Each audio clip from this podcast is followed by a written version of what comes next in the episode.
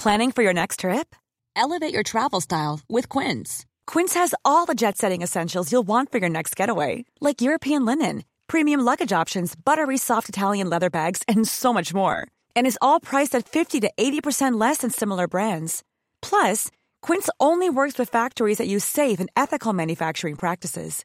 Pack your bags with high-quality essentials you'll be wearing for vacations to come with Quince. Go to quince.com slash pack for free shipping and 365-day returns. Hiring for your small business? If you're not looking for professionals on LinkedIn, you're looking in the wrong place. That's like looking for your car keys in a fish tank. LinkedIn helps you hire professionals you can't find anywhere else, even those who aren't actively searching for a new job but might be open to the perfect role. In a given month, over 70% of LinkedIn users don't even visit other leading job sites. So start looking in the right place. With LinkedIn, you can hire professionals like a professional. Post your free job on linkedin.com slash people today.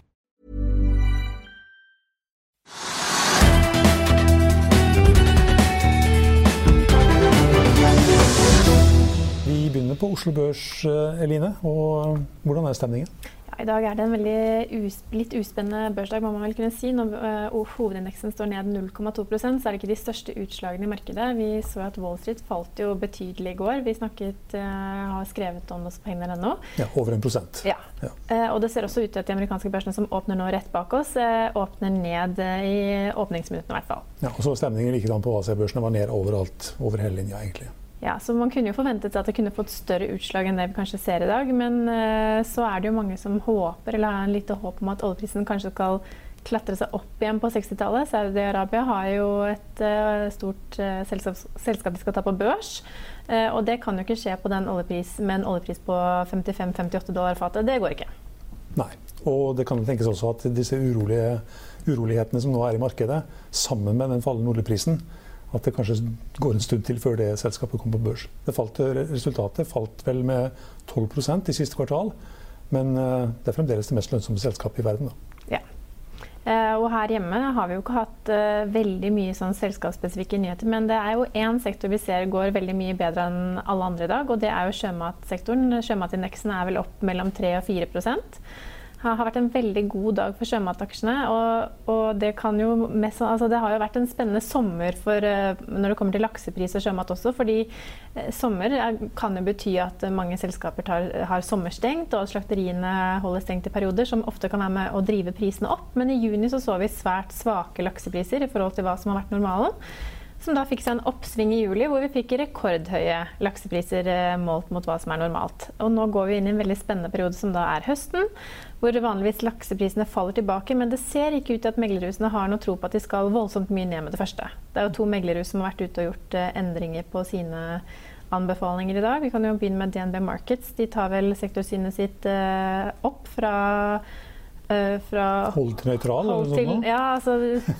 ja, nøytrale hold er vel nesten det samme, men selv til nøytral er vel riktigere ja, å si. Ja, De har vel da fem aksjer på kjøpsanbefaling, hvor de peker ut Lerøy som den beste aksjen å sitte på akkurat nå. Det er ikke veldig mange aksjer på kjøp. Hvis jeg ser på DNB Market, så har vel de um, å kjøpe fem aksjer? Ja, Austevoll, som ikke er så mm. unaturlig når de har Lerøy. Og så har de også Grieg Seafood, Atlantic Sapphire og NRS. Mm.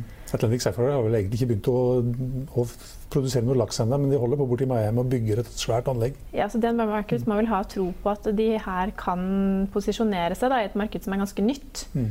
Nettopp fordi de ikke har kommet i gang. ja, Landbasert. Landbasert. Eh, og um, Altså Forrige uke så, hørte man jo sånn at det var forsøk på å hause lakseprisen. Den har jo ligget rundt sånn 58-60 kroner de siste ukene, men, men, det var ikke noe særlig vellykket forsøk å hause de. Og nå har vel man Mange tror vel at også fordi at vi går inn i denne sesongen vi nå er på vei inn i høsten, at man skal få lavere laksepriser. Men, men vi har jo flere. Vi har jo også det ABG Sundal Collier, som også har gjort en sektorendring i dag. Men de tar da eh, sektorsynet sitt ned til nøytral. Så, det er også laks vi snakker om nå? eller? Laks, ja. ja.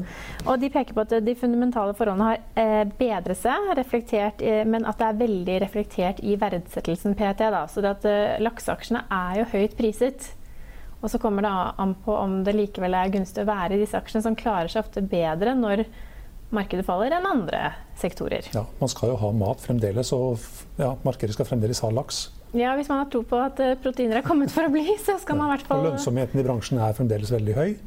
Og da er det vel kanskje en litt sånn sikker havn, da? Ja, det kan virke sånn. Men de har ABG også LSG, altså Lerøy som sin sektorfavoritt. Og de har kjøp av Austevoll, samme som DNB Markets, men også Grieg Seafood, NRS og Salmones Camancha.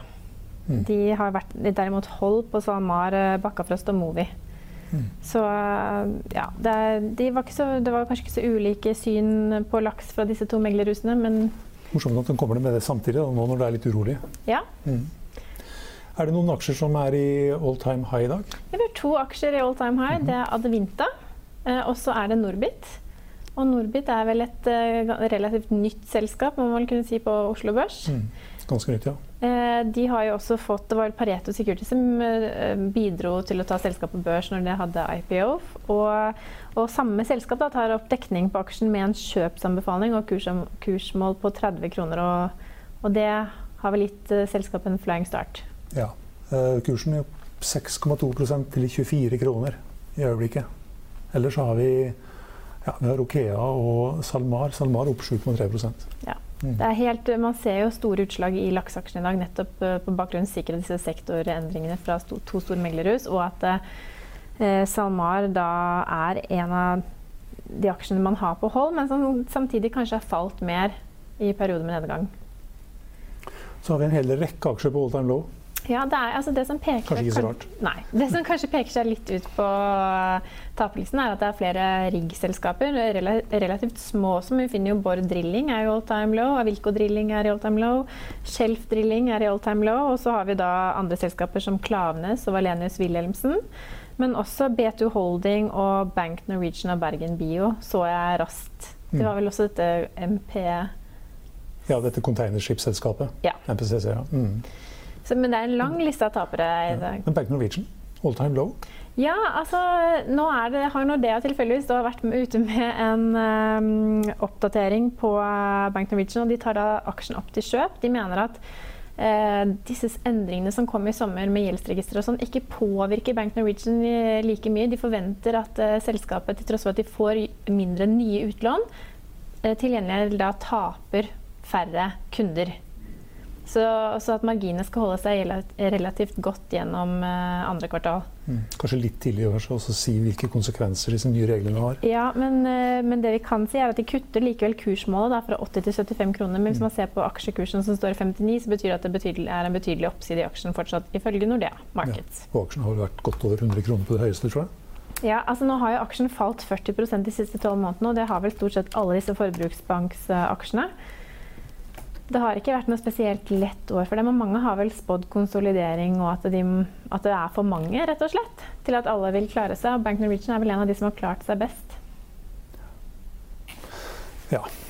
Jeg tror vi har kommet gjennom det meste. Ja, Av andre ting så kan vi jo ta med at Frontline og Golden Ocean de har inngått et ikke-bindende sånn intensjonsavtale med Trafigura, som da er en Altså de skal da etablere en sånn eh, global leverandør av marinedrivstoff og så skal eh, Et bensin- eller drivstoffselskap som de skal eie sammen? Ja, og, og da, serve alle skipene sine? Yes, og Frontline skal da eie 15% og Golden Ocean 10% og så skal vel eh, Trafigura eie resten, etter hva jeg kunne først lese ut av meldingen. Mm. Men, men, det er jo kanskje ikke så rart med tanke på at vi går inn mot IMO 2020, og at det, det må tas grep på drivstoffsiden. Mm. I Finansavisen i morgen kan du lese Trygve Ingers leder om at kritikere mener at, Fredriksen-familiens utlån av kunst til Nasjonalmuseet kun gjøres for å øke verdien på samlingen. Du kan også lese viktige resesjonsindikatorer. Lyser ildrødt, og langrentene faller. Men Christian Lie i Danske Bank han tror likevel verden unngår en resesjon. Du kan også lese at analytikernes prognoser ennå ikke tar tilstrekkelig høyde for en global resesjon ifølge storbankforvalter Hans Trond Nilsen. Husk også at du kan høre våre børskommentarer og gjesteintervjuer på Hegnapodden. Den finner du på hegnapodden på hegnar.no. Du finner også på iTunes, Spotify og Soundcloud. Det var det vi hadde for i dag, men vi er tilbake igjen i morgen klokken 15.30. Følg med oss igjen.